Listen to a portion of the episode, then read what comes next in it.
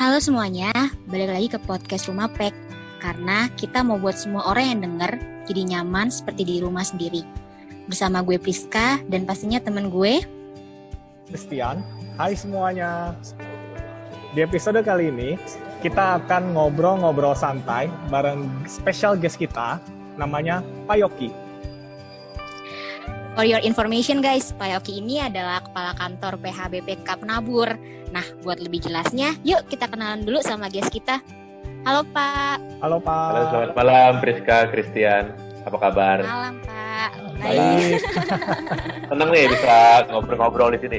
Kalau kami buat IG Live, eh, IG Live, Instagram Live, kita undang anak-anak muda. Sekarang yang anak-anak muda undang yang orang tua nih. Jadi terbalik terbalik ya. Thank you nih. Iya Pak.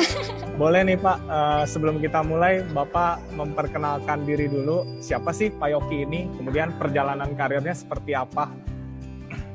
Ya, makasih ya Christian dan Priska. Eh, selamat malam eh, teman-teman sekalian. Saya panggil teman-teman supaya lebih akrab. Saya Yoki Firdaus. Eh, saya baru saja pindah dari eh, Sukabumi ke Jakarta untuk mengisi sebuah promosi lowongan di BPK Penabur. Awalnya memang eh, saya kuliah di ekonomi, kemudian melanjutkan ke teologi, kemudian lanjut lagi ke Pakuan eh, di Magister Pendidikan. Eh, ya, Mungkin suaranya saya bisa kembali le- ke lebih keras Pak. Suaranya bisa Ya. lebih keras. Oh ya, oke, sip. Oke ya.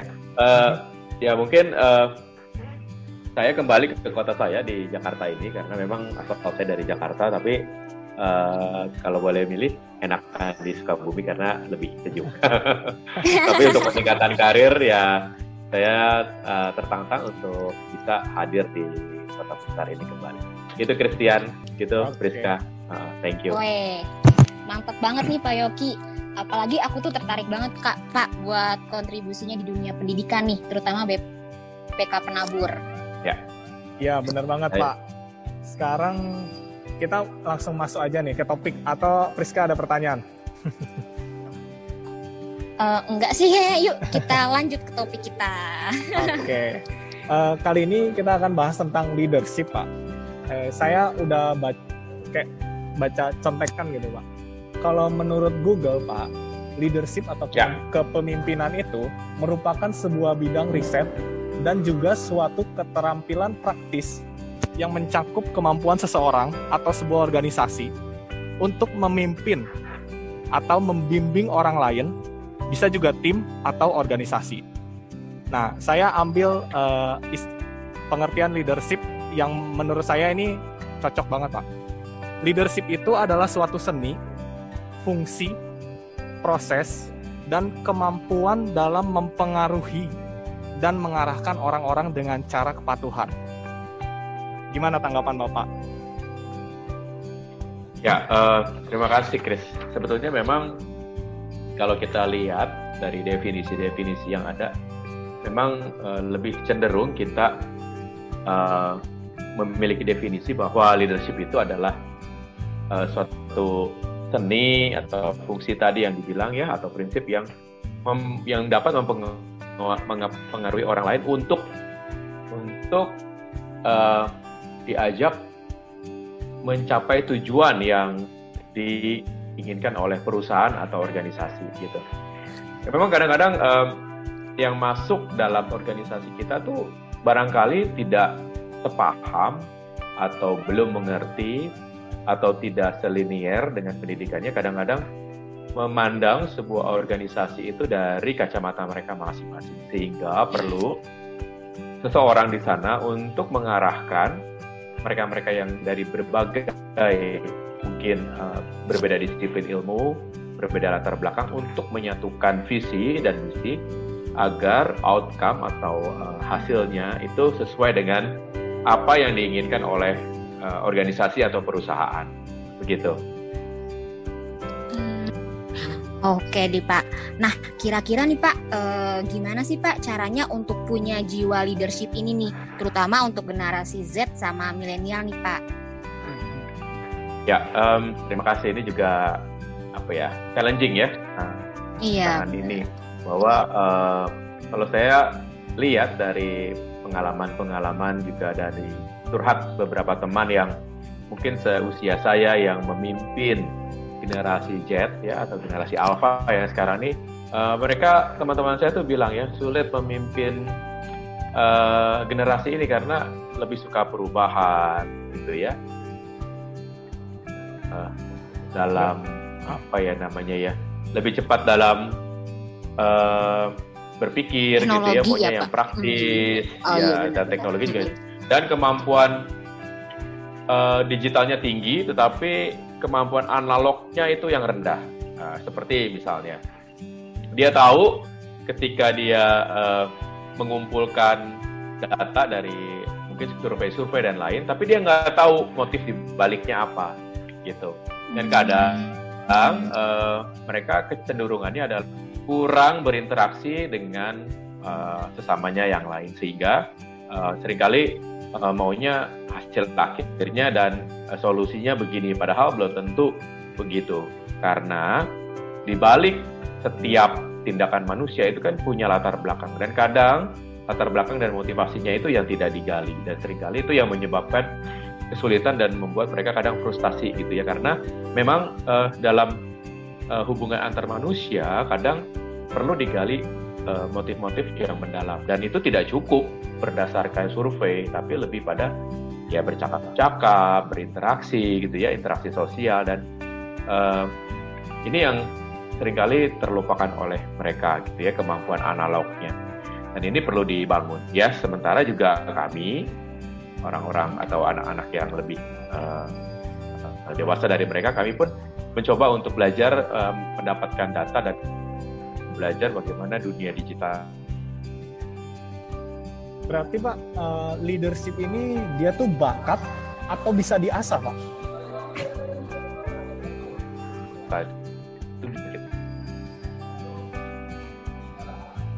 kita maksimalkan gitu. Jadi seperti uh, ayam dan telur mana yang duluan gitu ya? Uh, apakah ada bakat dulu atau diasah dulu? Sebetulnya pada prinsipnya seperti karakter atau uh, cara hidup atau habit, semuanya mm. itu membutuhkan latihan gitu ya. Jadi seorang yang punya jiwa pemimpin kalau dilatih itu akan semakin baik. Tetapi orang yang nggak punya pun kalau dia dilatih terus menerus dan dia dengan tekun leadershipnya pasti akan tumbuh gitu hanya saja mungkin yang punya bakat leadership itu jauh lebih cepat dibanding mereka-mereka yang belum punya uh, bakat kepemimpinan itu aja sih hmm, oke oke. Berarti intinya gimana orang itu mau ya pak ya? Mau dilatih apa enggaknya gitu ya pak? Betul. Karena biasanya kalau kita melatih itu kan ingin cepat, ingin bisa, orang lain ingin nurut, ya kita ngomong langsung ikut pada hal kan nggak bisa begitu. Perlu pendekatan-pendekatan psikologis, perlu ngobrol, perlu sharing knowledge, kita membagikan pengetahuan kita terhadap dia. Kenapa perusahaan ambil kebijakan ini? Kenapa organisasi ambil kebijakan ini? Bagaimana kultur perusahaan atau budaya perusahaan ini bisa seperti ini? Itu ada maksud dan tujuannya. Dan kadang-kadang, nah ini butuh waktu gitu dan perlu kesabaran. Oke hmm, oke okay, okay, Pak. Nah mungkin dari Christian ada yang mau ditanyain lagi nggak terkait jawaban um, Pak Yoki? Kalau yang aku tangkap dari Pak Yoki sharing ini, jadi kan uh, leadership ini sebenarnya bisa dilatih ya Pak ya. Dan bisa. latihan ini perlu beberapa tahap. Seperti ketika Priska mau bertanya sama seseorang, Priska akan memilih siapa yang akan ditanya. Benar gak Priska? Benar. Nah, artinya apa? Mm-mm. Priska kan membentuk yang namanya trust atau kepercayaan kan. Priska percaya terhadap mm. orang tersebut. Contoh Priska percaya sama Pak Yoki, kemudian Priska bertanya kepada mm. Pak Yoki. Nah, dari situ artinya ada ya. leadership. Maksudnya gitu bukan Pak Yoki? Tadi dari penjelasan Pak Yoki model itu, kali ya itu. Ya, saya nangkapnya ya. seperti itu sih ya nanti ada model-model kepemimpinan, ada model ada kalau nggak salah ada empat atau tiga model kepemimpinan. Tapi yang ingin saya katakan adalah bagaimana kita bisa uh, mempengaruhi orang agar orang-orang tersebut bisa mencapai tujuan yang kita inginkan. Itu aja sih sederhananya. Nanti iya, bagaimana menjalaninya itu nanti perlu metode-metode dan perlu pendekatan-pendekatan. Seperti misalnya ada kepemimpinan transaksional misalnya ya. Itu butuh hmm. juga, itu juga tidak bisa dibilang jelek. Kenapa misalnya kalau sales-sales men kan butuh target tuh, makanya dibilang uh, diperlukan kepemimpinan transaksional. Misalnya kamu jualan 100 juta, omsetmu saya kasih bonus misalnya satu juta. Kalau omsetmu 200 juta, saya kasih 2 juta demikian kelipatannya. Nah, butuh transaksional. Tapi ada juga eh, nggak uh, selalu uh, transaksional, tapi juga bisa leadership atau kepemimpinan yang uh, apa ya? Ya, saya juga beberapa ada macam-macam kepemimpinan, tapi intinya adalah uh, butuh setiap bentuk kepemimpinan itu uh, butuh dalam situasi tertentu, gitu.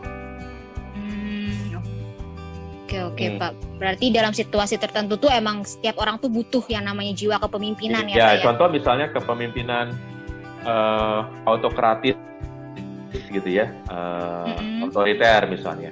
Jadi memang uh, butuh dikala memang uh, melihat uh, misalnya uh,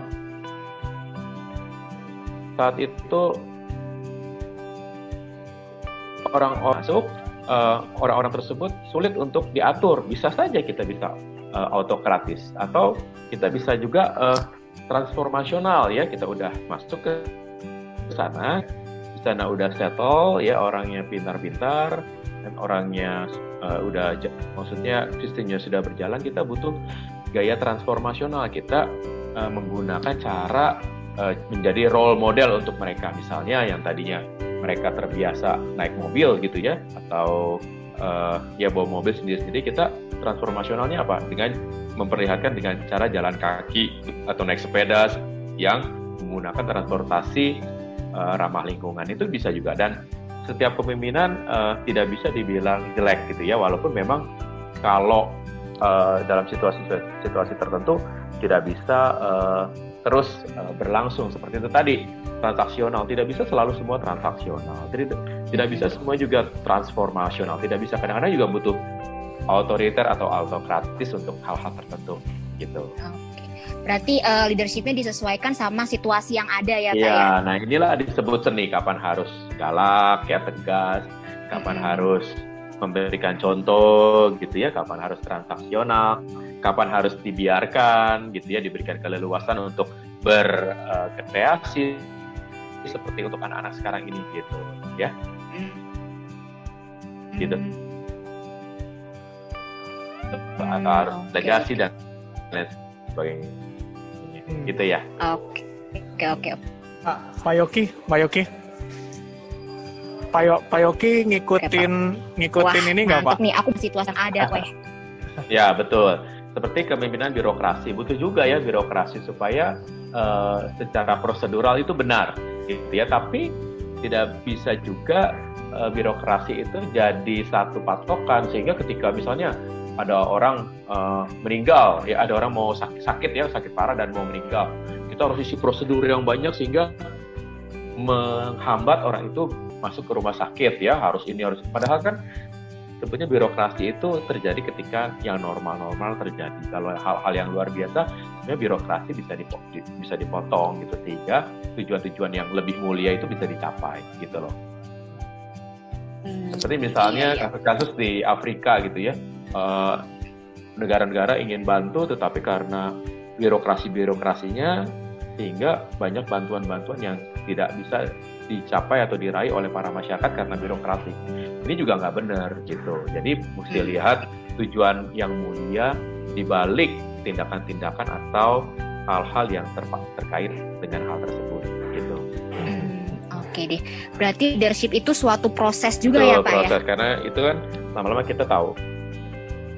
Karena untuk keahlian kan butuh ya 10.000 jam katanya ya kita harus jalanin itu ya sepuluh ribu jam gitu loh. Sepuluh ribu jam, wow. Kalau sepuluh jam sehari berarti kira-kira ya tiga tahun gitu kali ya.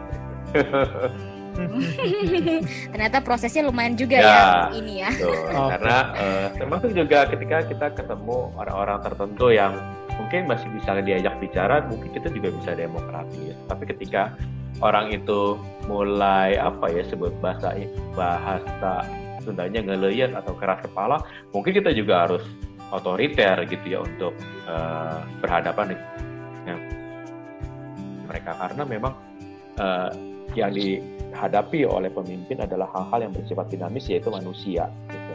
Mm -mm, itu bener, Pak. Ngadepin manusia itu emang susah ya Pak ya?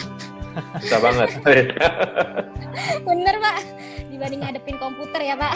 Betul, betul. Dan itu Pak, itulah kenapa makanya leadership itu tidak bisa digantikan oleh misalnya mesin atau apa. Karena di balik kepemimpinan itu ada ada yang namanya disebut ya hati empati kepada karyawan sehingga leadership itu jadi lebih manusiawi gitu. Misalnya orang ini udah mumet gitu ya udah stres. Dia juga cukup rajin orangnya tapi dia uh, lihatnya stres dia uh, motivasinya menurun kinerja turun. Mungkin kita bisa kasih dia keleluasan kamu boleh cuti dua hari untuk supaya refreshing dan sebagainya kita juga perlu uh, tindakan-tindakan seperti itu gitu dan mesin sampai dengan saat ini belum bisa melakukan itu ya pak Iya betul.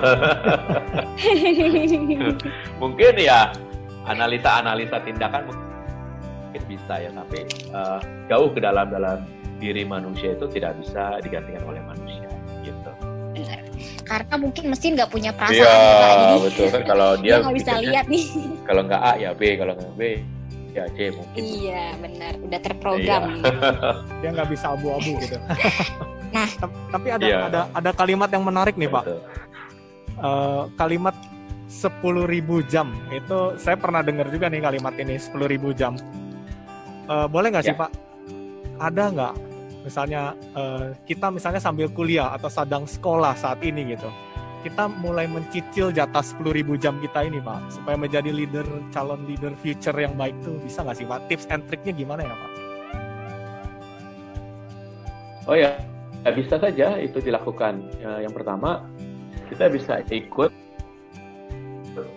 uh, misalnya lembaga-lembaga atau organisasi organisasi yang ada di sekolah, contohnya organisasi uh, osis, organisasi di gereja, di masyarakat, di masjid, di mana pun kita berada, kita bisa bisa ambil bagian ketika kita misalnya ikut uh, apalah misalnya mahasiswa pencinta alam dengan di perusahaan. Memang ada hal yang berbeda gitu. Uh, saya cenderung ketika saya kuliah itu waktu saya lulus SMA saya tidak ikut organisasi karena saya sendiri sudah bekerja gitu ya waktunya sudah susah. Tapi saya dari sana saya belajar tentang bagaimana atasan-atasan saya memimpin sehingga ketika saya mau lulus kuliah pun saya sudah uh, dipercaya untuk pegang sebuah pabrik gitu ya. Itu juga satu hal yang baik tapi satu juga satu hal juga yang yang sangat berat buat saya di awalnya. Tapi pada akhirnya uh, tanggung jawab itu uh, diberikan ketika kita menyelesaikan tugas-tugas yang kecil dan mungkin kelihatannya orang lain nggak mau lakukan tapi kita bisa lakukan dengan baik memimpin orang lain mencapai tujuan organisasi dan pasti dari hal-hal yang kecil ketika kita bertanggung jawab dan menyelesaikan tugas tersebut pasti atasan kita memberikan tugas yang lebih berat yang lebih luas daripada yang sekarang itu. Itulah makanya perlu uh, pelatihan-pelatihan sejak gitu. Ya. Boleh nggak pak? Uh, dibantu share pak Nih. tugas tugasnya yang nah, kecil ini tuh Christian gimana ada yang mau ditanyain? Tugas.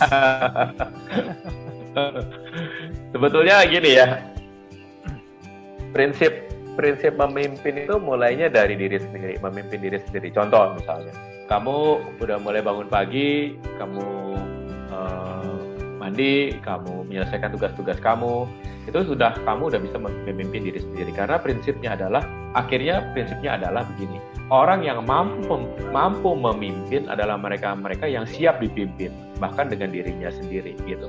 Jadi memang seorang pemimpin itu adalah orang yang memimpin dan dipimpin oleh dirinya sendiri sebelum dia memimpin dan dipimpin oleh orang lain. Makanya pemimpin-pemimpin itu disiplin. Dia tahu kapan dia harus kerja, kapan dia harus istirahat, kapan dia harus stop. Karena dia memimpin dirinya sendiri. Dia punya jadwal dirinya sendiri. Coba kalau orang yang enggak ya, dia semau mau mau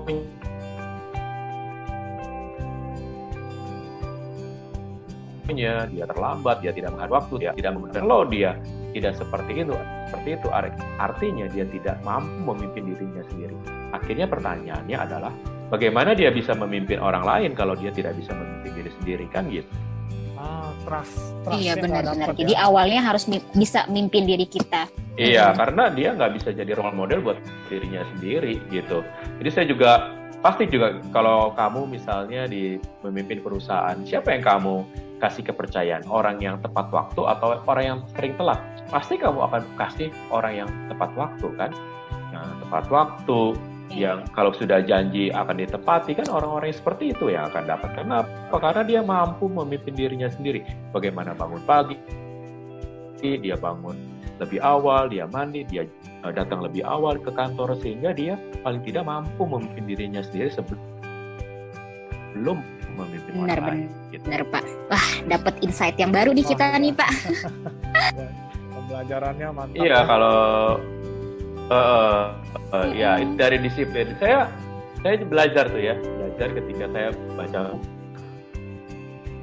buku ya saya hidup disiplin karakter-karakter itu mungkin sekarang orang lihatnya wah ngapain baca buku ngapain bangun pagi ngapain kuliah tepat waktu tapi saya kasih ingin tahu ada satu waktu di mana Tuhan akan membukakan pintu bagi orang-orang yang seperti ini itu untuk berubah nasib saya ingat waktu itu uh, seorang uh, petugas kebersihan di uh, sebuah KRL di Bogor ya menemukan duit ratusan juta gitu ya sehingga dengan kejujurannya dia memberikan uang itu kepada petugas kereta api kemudian dia diangkat menjadi pegawai tetap.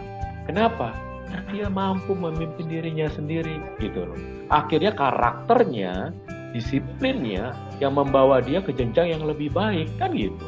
Jadi nggak selalu pendidikan, nggak selalu kepintaran, kecerdasan, tetapi itu karakterlah atau disiplinlah yang membuat kita tuh jauh lebih tinggi daripada orang yang lain gitu. Ya, bener Pak. Setuju banget aku Pak. Bener karakter. Kalau karakternya ya. jelek, mau orang sepinter apa pun ya sama aja ya, Betul. ya Pak ya. Bahkan uh, ada satu buku tulisan ya, uh, saya baca di mana saya lupa tuh, uh, meng menggonggong ke ke ke pohon yang salah kalau nggak saya saya lupa. Memang di awal-awal kelihatannya orang-orang yang tidak jujur, yang nggak disiplin itu di awal menang tapi itu akan berlangsung sementara. Sementara orang-orang yang disiplin, yang tangguh, yang jujur, yang baik, itu akan berlangsung kesuksesannya lebih panjang daripada mereka-mereka, gitu. Ya, wah mantep oh, nih Pak. Thank you banget nah, terakhir Pak. nih Pak, kira sama-sama. Ya. terakhir nih Pak, kira-kira ya. apa pesan-pesan Bapak nih untuk generasi Z sama generasi milenial nih Pak terkait leadership ini? Ya, uh, yang instan cukup instan aja ya jangan jangan yang lain gitu ya. Belajar iya. jadi belajar untuk menikmati hal-hal yang tidak enak gitu ya itu yang pertama. Kedua disiplinkan diri gitu. Jadi membaca buku uh, hidup teratur itu penting banget. Yang ketiga uh, jangan sering uh, interaksi dengan gadget. Tapi berdiam dirilah dan berpikir ya berpikir karena melatih berpikir itu penting banget. Kenapa? Karena dengan demikian kita bisa mencerna apa yang terjadi dalam dunia ini ya.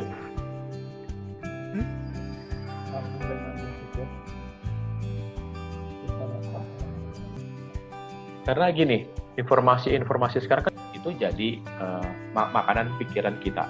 Jadi berhati-hati terhadap apa yang kita baca dan apa yang kita uh, uh, lihat selama ini karena nggak semuanya yang kita lihat atau kita dengar harus kita masukkan ke dalam pikiran kita. Nah itu, itu aja sih. Jadi uh, untuk leadership ini asahlah uh, terus ya dalam keseharian ikutlah uh, ikutlah uh, organisasi organisasi organisasi ikutlah kegiatan-kegiatan yang mungkin melibatkan orang banyak. Nah cara mengelola orang lain gitu. Dengan demikian banyak karakter ya seribu orang seribu orang itu seribu karakter seribu pemikiran bagaimana kita memanage uh, mereka. Nah gitu. Nah kita udah dapat banyak banget nih ya pembelajaran terkait leadership hari ini nih ya. Ya benar banget guys. Mm-mm. So buat kalian nih guys di luar sana yang lagi dengerin podcast kita, kesimpulan yang bisa ditarik nih dari podcast hari ini. Pertama, leadership itu perlu diasah. Karena leadership itu bukan instan, tapi harus ada proses tahap-tahap tertentu. Yap. 10 ribu jam guys. Terus next, eh, iya ingat 10 ribu jam tuh guys. Pak ada ada rekomen buku nggak sih Pak yang tentang 10 ribu jam itu Pak? Ah, saya lupa tapi uh, kayaknya buku-buku uh, uh, siapa ya? Bukan. Mungkin tentang self development aja kali siapa Pak ya? ya. siapa? Buku-buku self development gitu kan. Pak tuh. Ya ya kalau uh, tentang kepemimpinan juga banyak sih uh, tunggu sebentar ya. Uh, Nah sampai eh, dicari nih sama Pak Yogi. Iya, em, kemarin saya baru kasih buku kepemimpinan ke teman saya gitu. Hmm, kebetulan. kalau Jadi kalau kalau kita da- ngasih buku tuh iya, biasa kasih buku gitu ya. ya. Kalau dari saya sih saya suka ngikutinnya John Maxwell saya. Oh, Oke, Ya, betul. Sama, John sama tuh Maxwell, tadi. betul. betul. sehati nih. Iya. Terus next itu ketika kita mau punya jiwa leadership, pertama-tama kita harus bisa memimpin diri Ya, kita sendiri betul. ya Pak ya. Harus bisa Betul, karena disiplin nggak sama diri kita kita sendiri. memimpin orang lain tanpa kita memimpin diri sendiri. Itu Iya, nonsense. benar. Terus Benar. butuh benar. disiplin. Iya, membaca ya Pak ya tadi. Baca, dan ber- berpikir, iya betul. Itu penting banget. Berdiam dirilah dan Mantep nih berpikir. Pak. Aduh itu jarang banget Ya. aku dengar. iya Pak, bener Pak. Ini bener loh Berpikir itu guys. penting.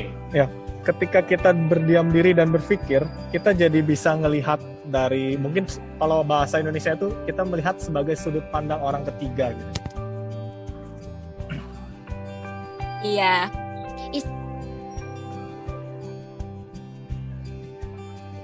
kita apa kita merasa eh, bengong tuh sebagai atau berpikir tuh sebagai sesuatu yang sia-sia padahal tidak loh. Itu mel- melatih meruncingkan daya pikir kita analisa kita dan lain sebagainya. Itu penting dan itu yang kurang dari sekarang.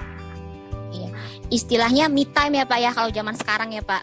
ya me time tapi me time yang mungkin berpikir tentang eh, hal-hal yang eh, mungkin jadi concern kita gitu kali ya. Kalau me time kadang kan nonton drakor tapi kan nggak kalau kalau kita berpikir kan nggak mikirin drakor paling atau kalau mau mau nggak kalau mau mikir eh, tentang drakor mungkin bisa berpikir harusnya gini ya harusnya gitu ya gimana ya? Wah, aku penggemar drakor nih Pak. Oke deh, banyak banget jadi kesimpulan yang bisa kita dapat nih di podcast kita hari ini nih guys. terima kasih ya udah undang Iya nih Pak, thank you banget ya Pak. Ya udah mau jadi guest kita malam ini loh Pak. Di Ah, tengah kesibukan dan kepadatan. Ya. ya tau lah aku sekarang. saya eh, punya podcast sendiri eh, tentang filsafat stoa bagaimana kita hidup lebih tenang lebih damai. Saya baru bikin eh, lima podcast. Sudah Mhm, didengar kira-kira hampir 400 orang. Ini juga menarik sih. Uh, mungkin mantap. eh, mungkin di zaman sekarang ini kan banyak orang galau-galau nih ya saya ajarin lah supaya nggak galau gitu mungkin satu-satu ya. Boleh nanti Pak Suka eh, baca. di, di share linknya ya Pak ya, biar nanti kita bantu ditampilkan Iya, iya, di deskripsi benar-benar. Pak. siap thank you Iya. Ini by the way Pak, eh, Bapak suka baca buku yang filosofi teras ya Pak? ya baca kemudian saya ngikutin eh, buku yang How Think Like an Emperor jadi kayak ah, pikirannya si Marcus Aurelius bagaimana. Karena kalau saya lihat itu memang sebetulnya singgungan-singgungan untuk bagaimana kita bisa mendapatkan kedamaian sebetulnya bisa kita capai dan sudah ada sejak dulu gitu. Jadi nggak perlu sekarang eh, nggak perlu apa ya nggak perlu filsafat yang berat-berat gitu. Nggak perlu karena sebetulnya sudah ada dalam diri kita bagaimana kita uh, bisa kontrol terhadap apa yang kita bisa kontrol dan membiarkan apa yang tidak bisa kita kontrol gitu. Wih, mantap nih Pak. Thank you. Iya, thank you banget ya Pak udah mau Sama-sama. sempetin diri nih Pak di podcast Thank you, kita nih. Sama-sama. So guys, thank you for listening our podcast. Nanti Pak Yoki akan sharing lagi dengan tema-tema yang berikutnya. Iya benar, Pak. Jangan capek-capek diundang ke sini ya, Pak. Enggak, enggak capek. Janji. Ah, mantap. Oke deh Pak, kalau gitu kita mau closing nih Pak eh, podcastnya. Oke. So guys, uh, always stay safe and healthy ya di tengah pandemi kayak gini. Bye bye semuanya. Bye bye. Thank you. Bye bye. Thank you Pak. Thank you. Thank you. Bye bye.